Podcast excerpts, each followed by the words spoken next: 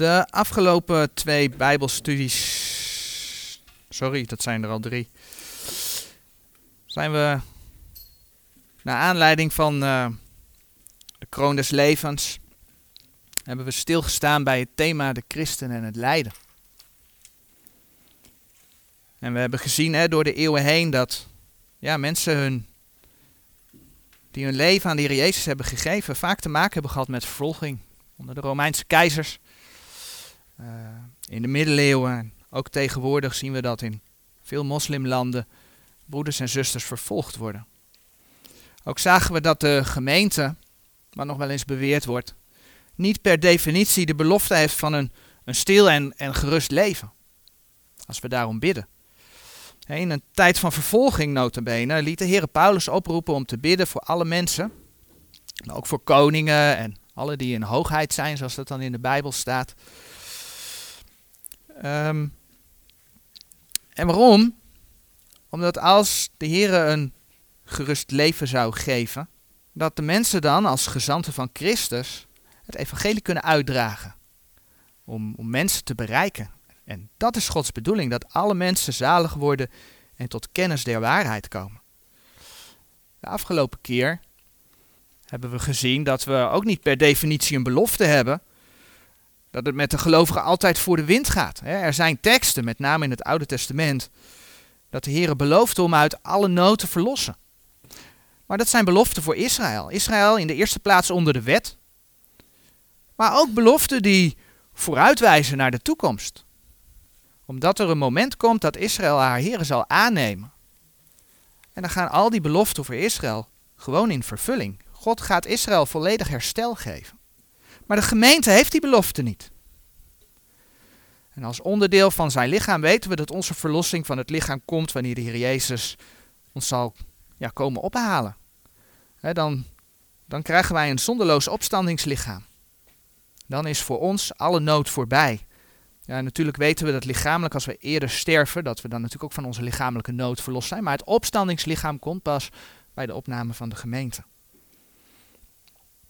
Wel weten we dat de Heer beloofd heeft dat Hij voor de zijne alle dingen doet medewerken ten goede, voor de eeuwigheid. De Heer werkt het alles uit naar zijn wil. Ook zagen we de belofte dat de Heer uitkomst geeft. Uitkomst, wat niet betekent dat dan de verzoeking ook direct weg is per definitie, maar uitkomst zodat we de verzoeking kunnen verdragen. En dat is best iets moeilijks. Voor ons als moderne westerse christenen. Maar het is wel de waarheid. Dat we moeten leren in alle omstandigheden dankbaar te zijn. Dat we Hem kennen en dat de Heer ons daarin helpt. Eigenlijk heeft tot nu toe met name het lijden voor de naam van de Heer Jezus centraal gestaan. Alhoewel de laatste studie met de vraag verlost de Heer uit alle nood al wel verder keek.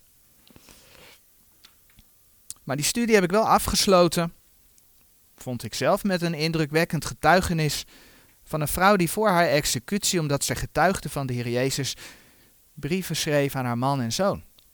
als voorbeeld dat de Heer kracht geeft voor het dragen van de verzoeking. Hoe moeilijk ook. Het is een situatie die wij ons hier heel moeilijk kunnen voorstellen, maar je kon er wel uit lezen, uit horen dat God kracht gaf. Maar er zijn dus ook andere smarten, andere verzoekingen, waarvoor de gelovige de kroon des levens kan ontvangen. En laten we vandaag eens kijken naar wat de Bijbel over verzoeking zegt. De kroon des levens die komt niet alleen voor in Openbaring 2 vers 10, maar ook in Jacobus 1 vers 12. En in Jacobus 1 vers 12, daar staat dan geschreven, Jacobus 1 vers 12, zalig is de man die verzoeking verdraagt, want als hij beproefd zal geweest zijn, zal hij de kroon des levens ontvangen, welke de Heere beloofd heeft, degene die hem liefhebben. Nu staat hier in feite dat de Heer de kroon des levens geeft aan degenen die hem lief hebben. Maar het staat wel in de context van verzoeking verdragen. Want blijkbaar krijgt hij de kroon als hij beproefd zal geweest zijn. Hè? Het eerste deel van het vers. Maar het blijkt ook uit de verdere context. Jacobus 1 vers 2 spreekt over, acht het voor grote vreugde, mijn broeders, wanneer gij in vele verzoekingen valt.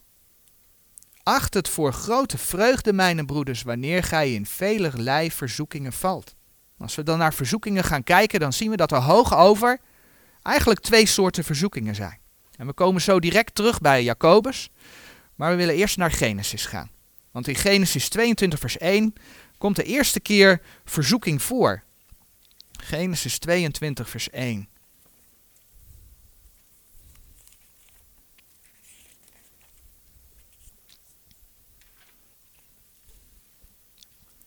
In Genesis 22, vers 1, daar lezen we: En het geschiedde na deze dingen dat God Abraham verzocht. En hij zeide tot hem: Abraham. En hij zeide: Zie, hier ben ik. We kennen allemaal, denk ik, de geschiedenis van Abraham wel, dat zijn geloof op de proef gesteld werd. En hoe? Abraham die leefde nog niet onder de wet. de wet was toen nog niet gegeven. Maar die wet, die wil ik toch even aanhalen, die stelt in het eerste en het grote gebod, zoals de Heer Jezus dat noemt. Zo zult gij de Heere uw God liefhebben met uw ganse hart en met uw ganse ziel en met al uw vermogen. Al was die wet er nog niet, eigenlijk werd Abraham hierop beproefd. Abraham onderging een test van God om te zien of hij de Heere wel echt lief had. En dat het een test was, blijkt bijvoorbeeld uit Hebreeën 11 vers 17. In Hebreeën 11 vers 17 daar staat, door het geloof heeft Abraham, als hij verzocht werd, Isaac geofferd. En hij die de belofte ontvangen had, heeft zijn enige geborene geofferd. En dan staat hier, door het geloof heeft Abraham, als hij verzocht werd in de King James, de oude Engelse Bijbel staat by faith, Abraham when he was tried. Toen hij beproefd werd. Hij werd dus beproefd, hij werd getoetst, hij werd getest. En deze vorm van test die Abraham onderging, was natuurlijk wel een ultieme test. Abraham werd notabene gevraagd zijn geliefde zoon te offeren. En dat is nogal wat. Genesis 22 vers 12. Uit, uh, Genesis 22 vers 2. Uiteindelijk mocht hij zijn zoon niet offeren. God greep in. Dat, dat is Genesis 22 vers 12. Want God voorzag in een offer. Genesis 22 vers 13. Dat alles zag vooruit op het feit dat de Heer zijn eigen zoon in de toekomst zou gaan geven. Toen toekomst, ondertussen is dat natuurlijk vervuld. Maar daar zag dat op vooruit. Uit liefde voor zijn schepping. Nou, zoals Abraham getest werd. Zo kunnen ook wij heden ten dagen door de Heer getest worden. Hoe staan wij in het leven? Staat de Heer voor ons bovenaan? Is ons bezit voor ons belangrijker? Is onze baan voor ons belangrijker? Is onze familie of ons gezin voor ons belangrijker? Allemaal vragen die we ons kunnen stellen. Zelf is voor mij de periode van de burn-out een periode geworden om na te denken. Is werk voor mij belangrijker? Of het feit dat de Heer ervoor gezorgd heeft dat wij mogen samenkomen? Moet ik misschien een stapje terug doen in werk om verder te kunnen in de dingen van de Heer? In vertrouwen dat Hij voor ons zorgt. En zo kunnen we allemaal onze persoonlijke testen ondergaan. Uiteindelijk vormt het je. Leer je meer te vertrouwen op de Heere God. Want Hij heeft alle dingen, hoe het leven ook loopt, Hij heeft alle dingen in zijn handen. In 1 Petrus 1 vers 6 en 7, daar staat geschreven, in welke gij u verheugt, nu een weinig tijd, zo het nodig is, bedroefd zijnde door menigerlei verzoekingen, de Heer zegt verheugd, maar hij zegt ook dat die verzoekingen best moeilijk zijn. Hè?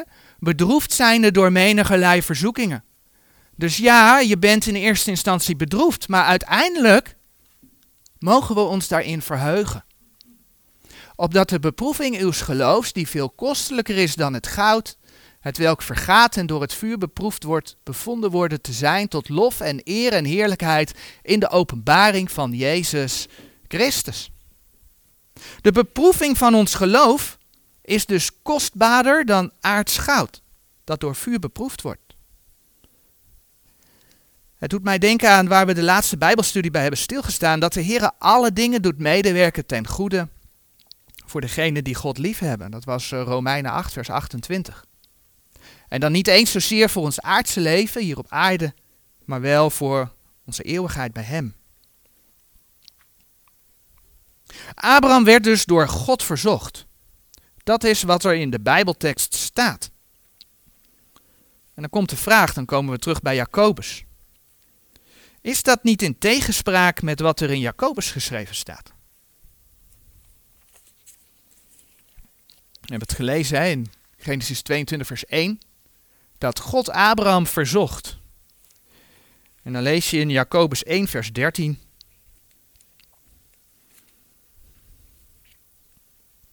Jacobus 1, vers 13.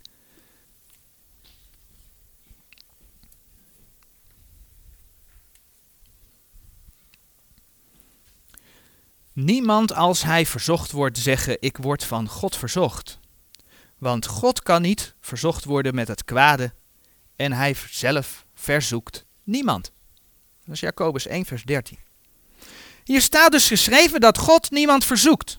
Hoe zit dat dan met wat we over Abraham hebben gelezen? Opnieuw moeten we, ons uitgangspunt, ook in dit geval stellen dat God niet liegen kan. Nummer 23, vers 19 zou je daarop na kunnen slaan, ook Titus 1, vers 2. God kan niet liegen. Dat betekent dus dat zijn woord ook niet in tegenspraak kan zijn. Is er dan een bijbelse verklaring voor die schijnbare tegenstrijdigheid? Ja, natuurlijk is die er. We komen daarvoor terug bij Jacobus, want de context van Jacobus 1, vers 13 verklaart hoe dit zit.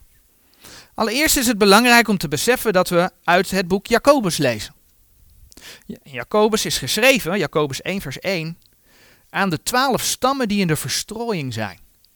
Het boek Jacobus, daar hebben we in het verleden ooit bij stilgestaan, is leerstellig, in feite geschreven aan de gelovige Joden in de grote verdrukking. Echter, en dan komt hij. Als we lezen over verdrukkingen die leiden tot het leren van geduld, Jacobus 1, vers 3, waardoor het geloof vervolmaakt wordt, dan zien we duidelijk overeenkomsten met de brieven aan de gemeente. In Romeinen 5, vers 3, en hij komt op de dia, daar staat geschreven. En niet alleenlijk dit, maar wij roemen ook in de verdrukkingen, wetende dat de verdrukking leidzaamheid werkt. Leidzaamheid is een ander woord voor geduld. Ook lezen we in de brieven aan de gemeente over loon in de eeuwigheid door het verdragen van verdrukkingen. Zo lezen we bijvoorbeeld in, en hij verschijnt hier op de dia, 2 Korinthe 4, vers 17. Want onze lichte verdrukking, die zeer haast voorbij gaat, werkt ons een gans zeer uitnemend eeuwig gewicht der heerlijkheid. De verdrukking die wij meemaken levert in de eeuwigheid gewicht, oftewel goud, zilver, kost, kostelijke stenen. 1 Korinthe 3, vers 12 en 14. Dat bepaalt onze loon, het kroon. En zo zien we hoe die teksten in Jacobus ook gedragen worden door de brieven aan de gemeente. En daarom kunnen we dit geestelijk gezien zeker ook toepassen op de gemeente. Abrahams beproeving was om te zien of hij zoveel geloof, of hij zoveel vertrouwen had in God, dat hij zelfs zijn zoon zou offeren. We hebben het woord test gebruikt. Maar de context van Jacobus 1 vers 13 laat zien dat er ook nog een andere soort van verzoeking is. Namelijk een verzoeking tot, tot zonde. In het eerste deel van deze verse van Jacobus gaat het nog steeds om de verzoeking als een test. Net als bij Abraham. Jacobus 1 vers 8 spreekt niet voor niets over het feit dat een dubbelhartig man ongestadig is in al zijn wegen. Dat staat in Jacobus 1 vers 8. De Heere wil graag dat wij geen dubbel hart hebben. De Heere wil ons hele hart. Of zoals de Heer Jezus het zei, bijvoorbeeld in Matthäus uh, eh, 6 vers 24 en Lucas 16 vers 13. Wij kunnen niet twee heren dienen. Iets wat we in de brieven aan de gemeente terugvinden in een tekst als, en die gaan we opzoeken, Romeinen 8 vers 5.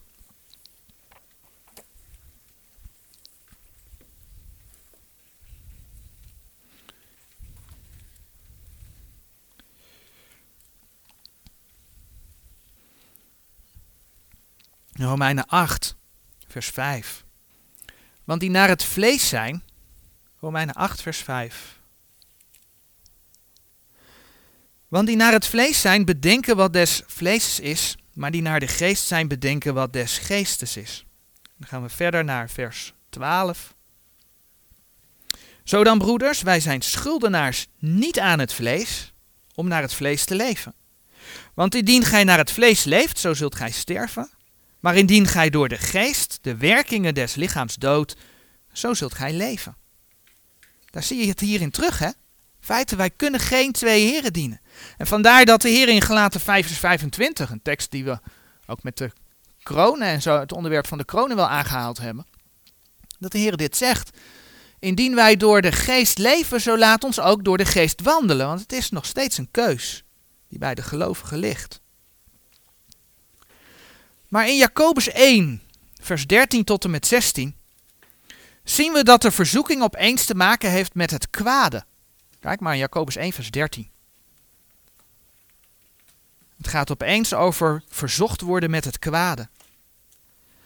Het gaat over verzocht worden met eigen begeerlijkheid. Waardoor mensen afgetrokken en verlokt worden. Jacobus 1, vers 14. Waardoor er zonde ontstaat. Jacobus 1, vers 15.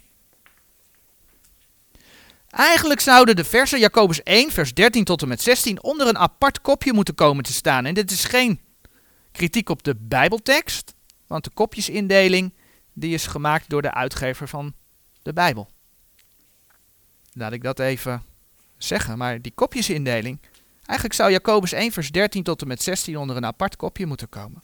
Want het gaat over een andere soort verzoeking. Het gaat namelijk om verzoeking tot zonde. En deze verzoeking komt dus niet van de Heer. Vaak ontstaat die zonde, de, de verzoeking tot zonde, doordat we, zoals in dit gedeelte staat, op ons eigen vlees gericht zijn. Of doordat de Heer de Satan toelaat om ons tot zonde te proberen te verleiden. Zo spreekt Paulus.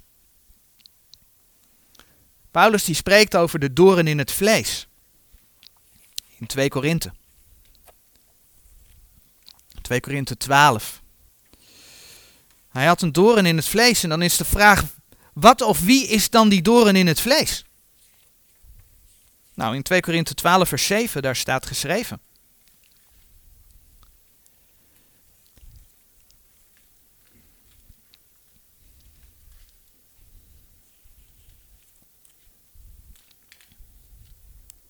...2 Korinthe 12 vers 7. En opdat ik mij door de uitnemendheid der openbaringen niet zou verheffen, zo is mij gegeven een scherpe doorn in het vlees. Namelijk, en dan komt hij, een engel des Satans, dat hij mij met vuisten slaan zou, opdat ik mij niet zou verheffen. Er is dus blijkbaar een engel des Satans die hem kwelt. Ga dit in een charismatische kring vertellen. het staat wel in Gods woord.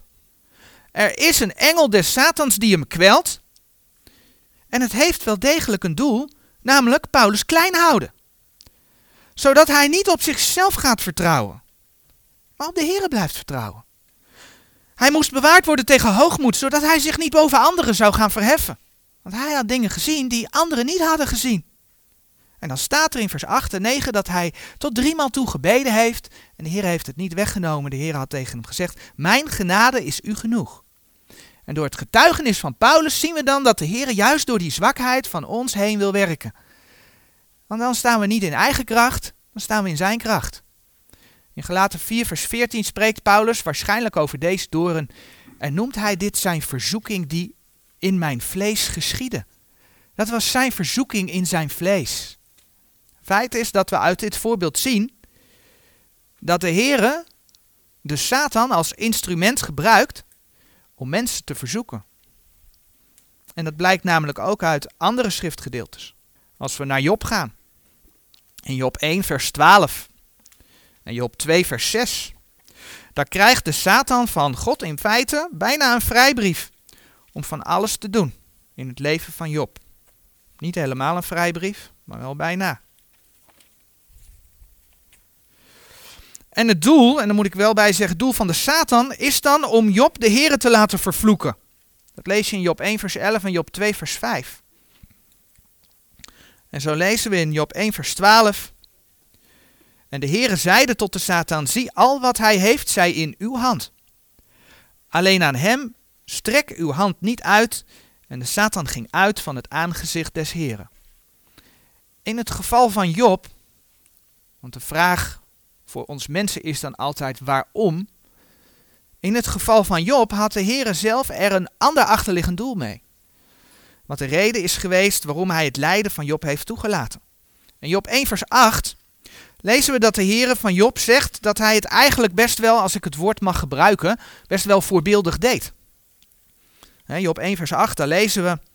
En de Heere zeide tot de Satan, hebt gij ook acht geslagen op mijn knecht Job? Want niemand is op de aarde gelijk hij. Een man oprecht en vroom, godvrezende en wijkende van het kwaad. Toe maar, als God van jou zegt dat er niemand op aarde is zoals jij. Maar als we dan het boek Job gaan lezen, dan komen we erachter dat Job eigenlijk zelf wel heel goed wist dat hij rechtvaardig was. En dat hij zelf voor God staande, staande zou kunnen blijven. Want in Job 13, vers 5, daar wordt dat heel duidelijk. Job 13, vers 5.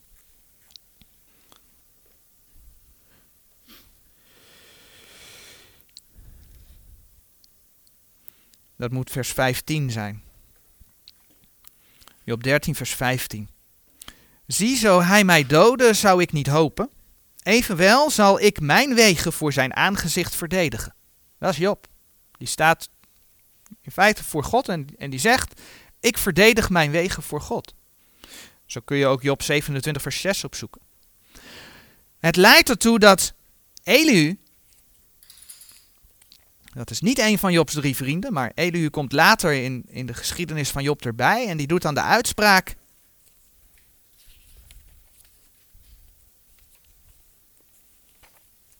Job 35, vers 2. Houdt gij dat voor recht, dat gij gezegd hebt, mijn gerechtigheid is meerder dan Gods? Met het feit dat Job zo hoog opgeeft over zijn gerechtigheid, stelt hij zich gelijk aan, zo niet meerder dan God. Hij stelt zich eigenlijk meerder dan Jezus Christus. Want Jezus Christus is namelijk Gods rechtvaardigheid, Romeinen 3, vers 21 en 22. Job moest tot het inzicht komen, en dat gebeurt dan in Job 42, de eerste zes versen, dat hij als kleine mens niet kan bestaan ten opzichte van een rechtvaardig God. En dat is de les die Job moest leren. En in, in Job 42, vers 6 zegt hij uiteindelijk, daarom verfoei ik mij en ik heb berouw in stof en as. Zo ver moest Job komen om berouw te hebben. Maar wat we dus opnieuw hebben gezien in het leven van Job, is dat de Heere de Satan gebruikt als instrument, want hij zelf verzoekt niet tot zonde.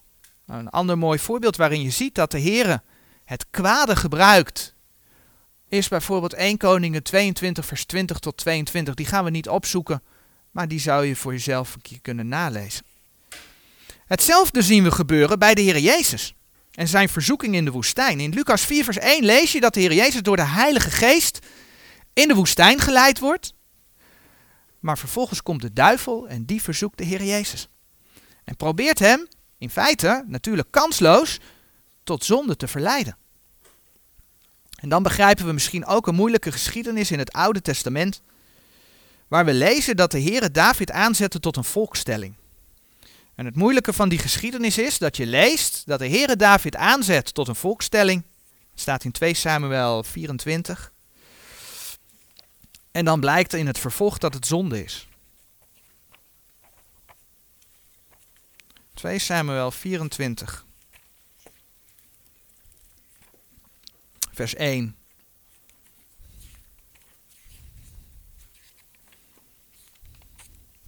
Daar lees je 2 Samuel 24, vers 1.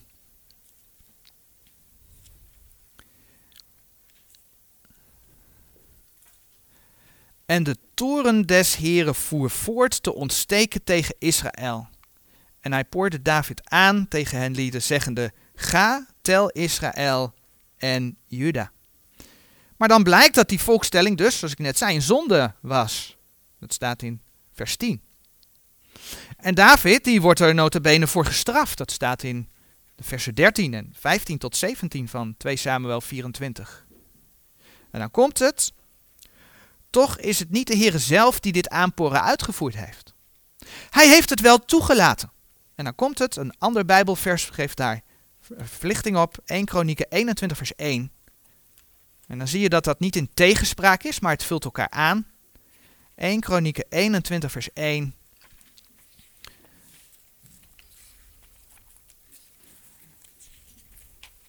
Een paar Bijbelboeken verder. 1 Kronieken 21 vers 1.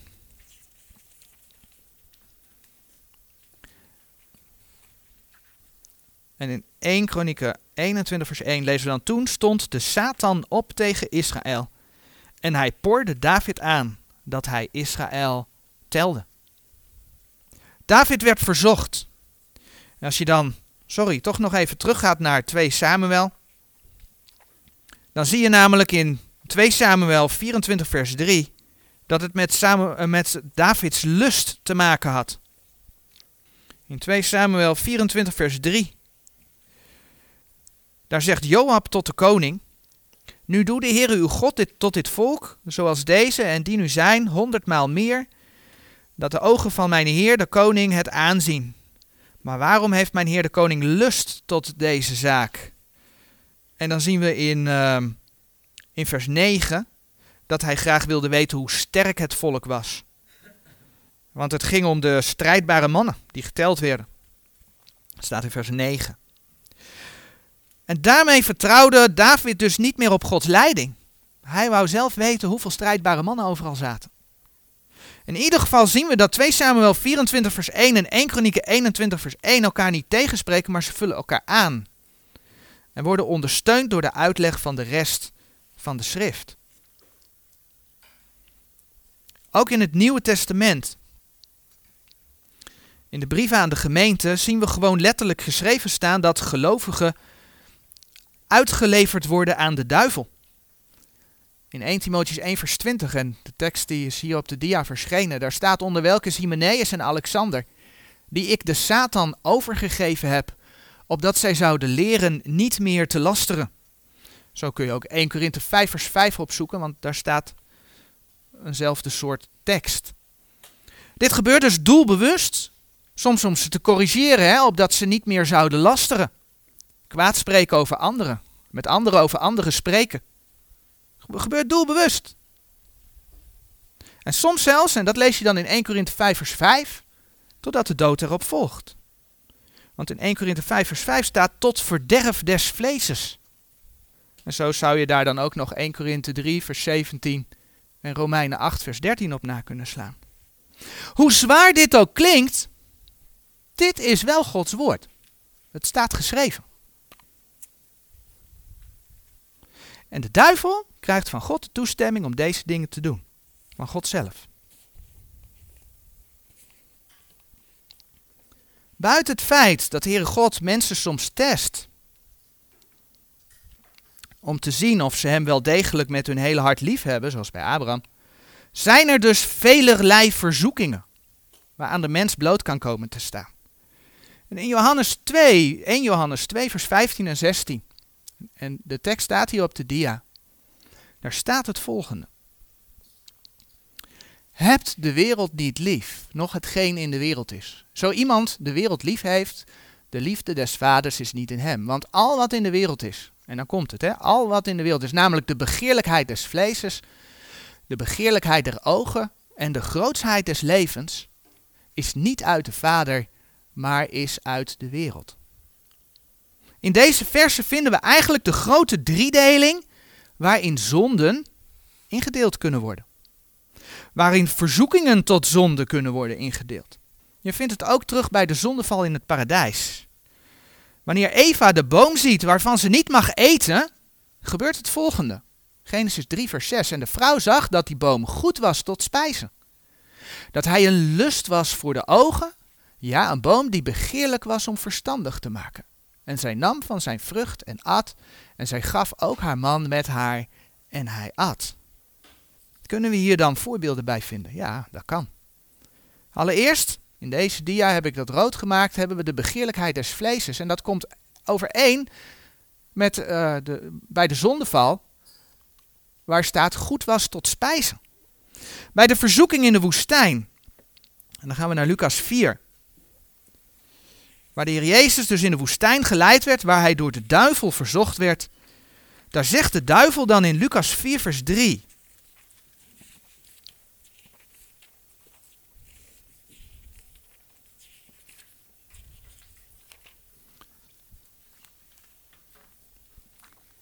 Lucas 4, vers 3.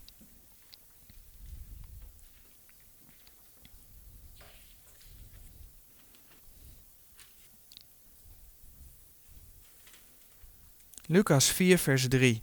En de duivel zeide tot hem: Indien gij God zoon zijt, zeg tot deze steen dat hij brood worden. De duivel die speelt hier in op het ego. De Heer Jezus was, is natuurlijk Gods zoon. Hij kon die steen in brood veranderen. Hij had die macht. Er zelf voor zorgen dat je iets krijgt wat jij hebben wilt, maar wat je niet toekomt. Dat is eigenlijk waar het over gaat. Ander voorbeeld, denk aan David. David die overspel pleegde met Bathseba. 2 Samuel 11 en, en 12. David die krijgt, die, die pleegt zelfs een moord op de man van Bathseba, Uria, om haar tot zich te nemen. En David die krijgt paraal, dat wel, maar hij moet wel zwaar boeten. Want je leest in 2 Samuel 12, vers 14 onder andere, dat dat kind wat daaruit voortkomt sterft. Als we dan naar vandaag de dag kijken. Hoe speelt de vijand van God, de duivel, in deze maatschappij niet in op deze gevoelens? Kinderen wordt al hè, op school al zo vroeg mogelijk geleerd hoe, hoe, hoe seksueel alles in elkaar zit zodat ze zo jong mogelijk alles kunnen nemen wat ze willen. Want dat is waar het om gaat in deze maatschappij. Dat zijn ook de verhalen die je hoort. Zodat ze alles kunnen nemen wat ze willen, zonder ook maar enig kader die de Heere God aan seksualiteit gegeven heeft. Als je gaat kijken wat de Heere God dat voor gegeven heeft, dat staat in eh, Genesis 2, vers 24, maar ook in Efeze 5, vers 31. Genesis 2, bij de schepping. Daar zegt God, Genesis 2, vers 24.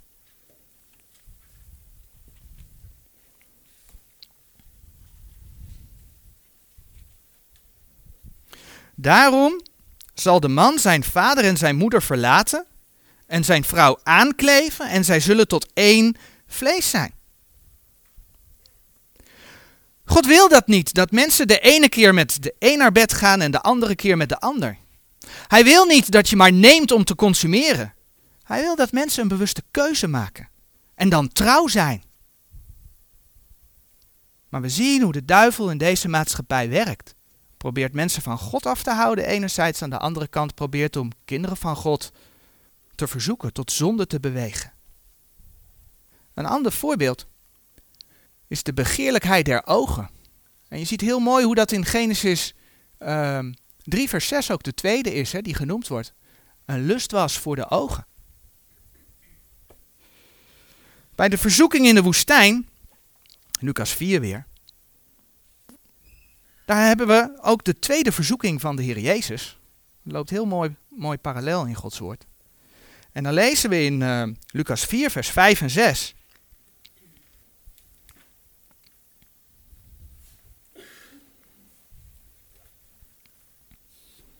En als hem de duivel geleid had op een hoge berg, toonde hij hem al de koninkrijken der wereld in een ogenblik tijds. En de duivel zeide tot hem: Ik zal u al deze macht en de heerlijkheid derzelfde koninkrijken geven, want zij is mij overgegeven, en ik geef haar wien ik ook wil. Voor macht en rijkdom hebben mensen over het algemeen in deze maatschappij bijna alles, zo niet alles, over. Zo laat koning Balak. En ik zeg het alvast, we komen zo terug bij Lucas 4, dus hou de hand even bij Lucas 4. Maar koning Balak uit Moab, die laat Biliam komen. En dat lezen we dan in nummer 22. En waarom laat hij Biliam komen? Hij wil graag Israël laten vervloeken. En dan lees je in nummer 22 vers 17 dat Balak tegen Biliam zegt nummer 22, vers 17.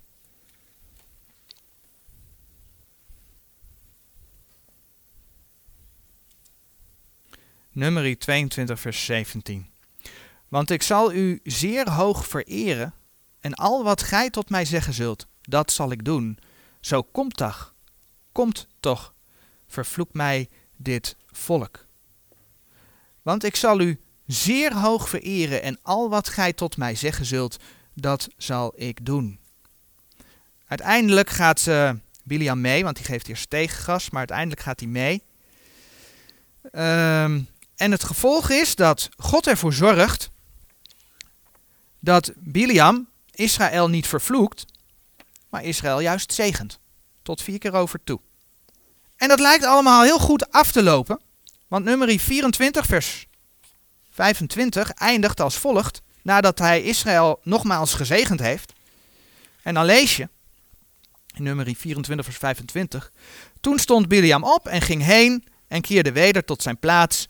Balak ging ook zijn weg. Dus Israël is gezegend, Biliam gaat weg en Balak gaat weg. Het is, het is geregeld.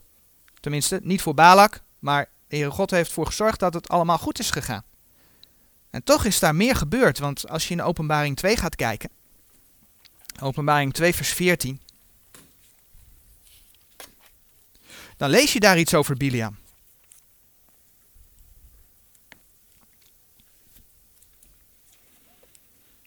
We lezen daarover Biliam, onder andere. Maar ik heb enige weinige dingen tegen u, wordt dan tegen een van de gemeenten daar gezegd, dat gij al daar hebt die de lering van Biliam houden. En daar gaat het mij even om, want wat is de, leer van Biliam? Die Balak leerde de kinderen Israëls een aanstoot voor te werpen, opdat zij zouden afgodenoffer eten en hoereren. En dat is er gebeurd. Biliam kon Israël blijkbaar niet vervloeken, want daar zorgde God voor, maar hij heeft Balak advies gegeven. Hij heeft Balak advies gegeven om het volk te verleiden tot het eten van afgodenoffer en tot hoerij. En het gevolg daarvan is dan ook, in, in uh, nummer 24 vers 25 lees je dat ze uit elkaar gaan, maar in vers 25 lees je over ontucht en afgoderij te zitten. Israël vervalt tot afgoderij en hoerij en God die moet dat straffen. En dat is wat er in nummer 25 gebeurt. En dat lezen we dus in openbaring, maar we lezen het ook in nummer hoor. In nummer 31 vers 16. Nummer 31 vers 16, daar lees je. Zie, deze waren door Biliams raad de kinderen Israëls om oorzaak der overtreding tegen de Here te geven. In de zaak van Peor, waardoor die plaag werd onder de vergadering des Heren. En is het niet zo dat in deze wereld nagenoeg alle rijken en machtigen der aarde hun ziel op de een of andere manier binnen de vrijmetselarij, noem het maar op, verkocht hebben aan de duivel? Zo zien we dus hoe de begeerlijkheid der ogen, macht, aanzien, een lust voor de ogen, hoe dat gebruikt wordt door de vijand van God. En heel dicht bij huis, al die reclame die we altijd krijgen, is er ook maar gericht op mensen bewerken op de ogen, steeds meer hebben, dingen die we misschien niet eens nodig hebben. Oh, maar het is mooi. Kopen, kopen. En dan heb ik het nog over mooie dingen. Andere reclames zijn helemaal niet zo mooi. Maar goed. Dan hebben we het nog over de grootsheid. De grootsheid des levens. En dan staat er als derde in Genesis 3 vers 6, begeerlijk was om verstandig te maken. De Heer Jezus die kreeg bij de verzoeking in de woestijn een derde verzoeking. En die heeft hiermee te maken. De duivel zei tegen hem, en dat staat dan in Lucas 4, vers 9, vanaf vers 9 eigenlijk. Lucas 4, vers 9.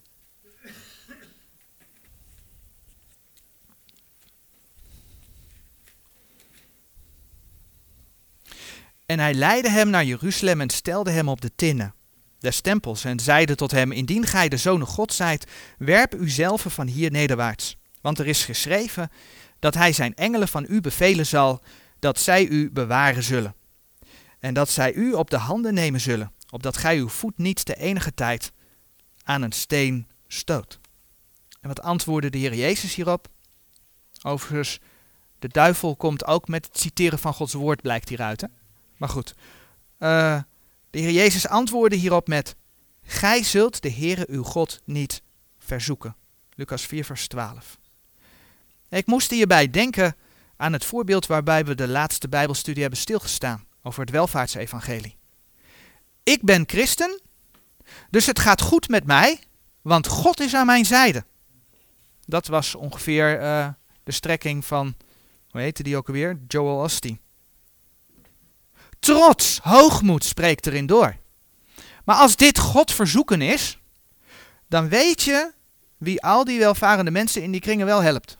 Meer wil ik er niet over zeggen. En zo zijn alle zonden die in de Bijbel beschreven staan, wel ergens onder deze drie in te delen. En de vijand van God speelt er maar wat graag op in om enerzijds mensen van God af te houden, maar net zo goed om de wederom geboren christen uh, op deze manier te verzoeken, te verleiden tot zonde. En de Bijbel zegt in uh, eh, 1 Johannes 2 vers 17, dus aansluitend op die teksten over heb de wereld niet lief en de begeerlijkheid des vleesers, de begeerlijkheid der ogen en de grootsheid des levens, dat het niet uit de Vader is, maar uit de wereld. En dan staat er in vers 17, en de wereld gaat voorbij en haar begeerlijkheid. Maar die de wil van God doet, blijft in der eeuwigheid. De wereld gaat voorbij en haar begeerlijkheid. Nou, we hebben in feite gezien dat er dus twee, hoogover twee soorten verzoekingen zijn. Er zijn er velelei, maar de ene als test van de Here de andere houdt een verleiding in door de duivel die de Heer toestaat in ons leven. De verzoekingen tot zonde. Hoe kunnen we stand houden? Voor de test, Jacobus 1 vers 5, geeft de Heer aan dat wij wijsheid van de Heer mogen vragen. Dat staat in Jacobus 1 vers 5. Maar even zo goed, en dat heb ik eigenlijk al genoemd, zegt de Heer in Jacobus 1 vers 8, dat een dubbelhartig man ongestadig is. De Heer wil niet dat wij dubbelhartig zijn. Met andere woorden, willen wij de Heer toegewijd zijn. Zoals gezegd, we kunnen geen twee heren dienen. Als wij de wereld ruimte geven, dan worden we verleid tot zonde. En als we daarmee doorgaan, dan gaan we net als Demas, die wordt genoemd in 2 Timotheus uh, 2 Timotheus 4, vers 10, gaan we, de, gaan we de wereld weer in. En niet dat we dan verloren zijn, hè? Dat is dus wat de Bijbel zegt, overleveren aan de Satan, opdat de geest behouden wordt, het vlees ten verderven. Staat niet dat Demas verloren was, maar hij ging wel weer de wereld in. Dat was geen leven meer tot eer van God. Kom je dan voor de rechterstoel van Christus, brandt alles weg. Loon en kroon. Is er dan niet? Daarom laten wij volkomen vertrouwen op de Heer dat Hij alle dingen doet medewerken ten goede. Maar die andere verzoekingen tot zonde dan? Als wij gezondigd hebben, in de eerste plaats mogen wij de zonde beleiden. En Johannes 1 vers 9.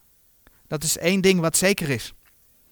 Maar de Heer zegt ook, Romeinen 6 vers 1, dat wij niet bij de zonde moeten blijven, opdat de genade toenemen. En daarom graag de aandacht voor Hebreeën 12 vers 4. Gij hebt nog tot den bloede toe niet tegengestaan, strijdende tegen de zonde.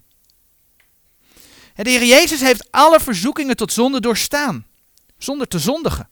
Het staat ook in Hebreeën 4, vers 15. Hij is zelfs tot op het kruis gegaan. Nou, dat wil niet zeggen dat wij onszelf tot bloedens toe moeten straffen voor de zonde. Wij mogen vergeving vragen. De Heer Jezus heeft de straf op de zonde gedragen. Misschien dat we moeten zeggen dat in de grote verdrukking mensen tot bloedens toe moeten strijden tegen de zonde, omdat het hun leven kost. Zo hebben we stilgestaan in de geschiedenis bij al die christenen die hun leven hebben gegeven omdat ze in de Heer Jezus geloven. Maar de vraag is, willen wij strijden tegen de zonde?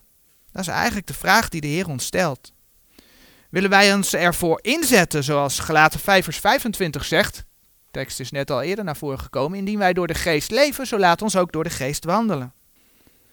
En dan is de vraag, hoe kan dat dan als ons vlees iedere keer nog weer de kop opsteekt? Nou, een hele mooie tekst daarover staat in 2 Korinthe en die gaan we opzoeken. 2 Korinthe 10. 2 Korinthe 10 vers 3 tot 5.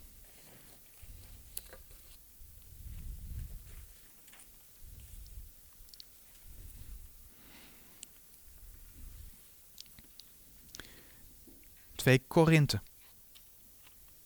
2 Korinthe 10.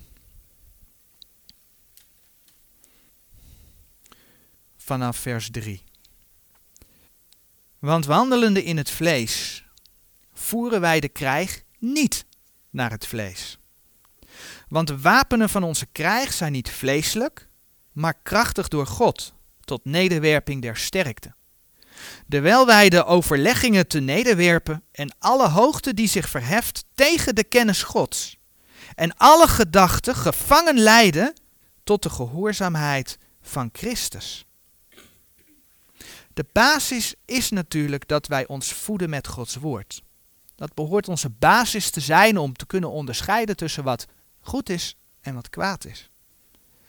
En als wij merken dat het fout gaat in onze gedachten, brengen wij die gedachten dan in gebed aan de Heer. Vragen wij Hem om hulp. Komen de verkeerde ideeën? Dan is het soms een idee om er gewoon van weg te vluchten. Juist als het om iets gaat waar je moeite mee hebt. Hè? Het gaat om verzoekingen, dus dan heb je het daar moeilijk mee. Vlucht ervan weg. Hè? In 1 Timotheus 2 vers sorry, 2 Timotheus 2 vers 22, daar staat, maar vliet de begeerlijkheden der jonkheid en jaag naar rechtvaardigheid, geloof, liefde, vrede met degene die de Here aanroepen uit een rein hart. Vliet, dat betekent vlucht. En nu is het hier toegepast op de begeerlijkheden der jonkheid. Maar dat kan natuurlijk heel goed van toepassing zijn op andere begeerlijkheden. En dus andere verzoekingen. Dus vlucht er maar van weg. En om de gedachten met goede dingen te vullen, kan het helpen om dan bijvoorbeeld een lied te gaan zingen. Een lied over de verlossing van de, door de Heer Jezus. Of om de Bijbel te pakken en om een stukje in zijn woord te gaan lezen. Of om te bidden en te vragen om kracht. Vandaar dat Jacobus 4 vers 7 zegt, zo onderwerpt u dan goden, wederstaat de duivel en hij zal van u vlieden. En als wij dan de verzoeking kunnen verdragen, we hebben het vanmorgen in Jacobus 1 vers 12 gelezen, dan zegt de Heer dat wij in de eeuwigheid de kroon des levens zullen ontvangen. Tot zover voor uh, vanmorgen.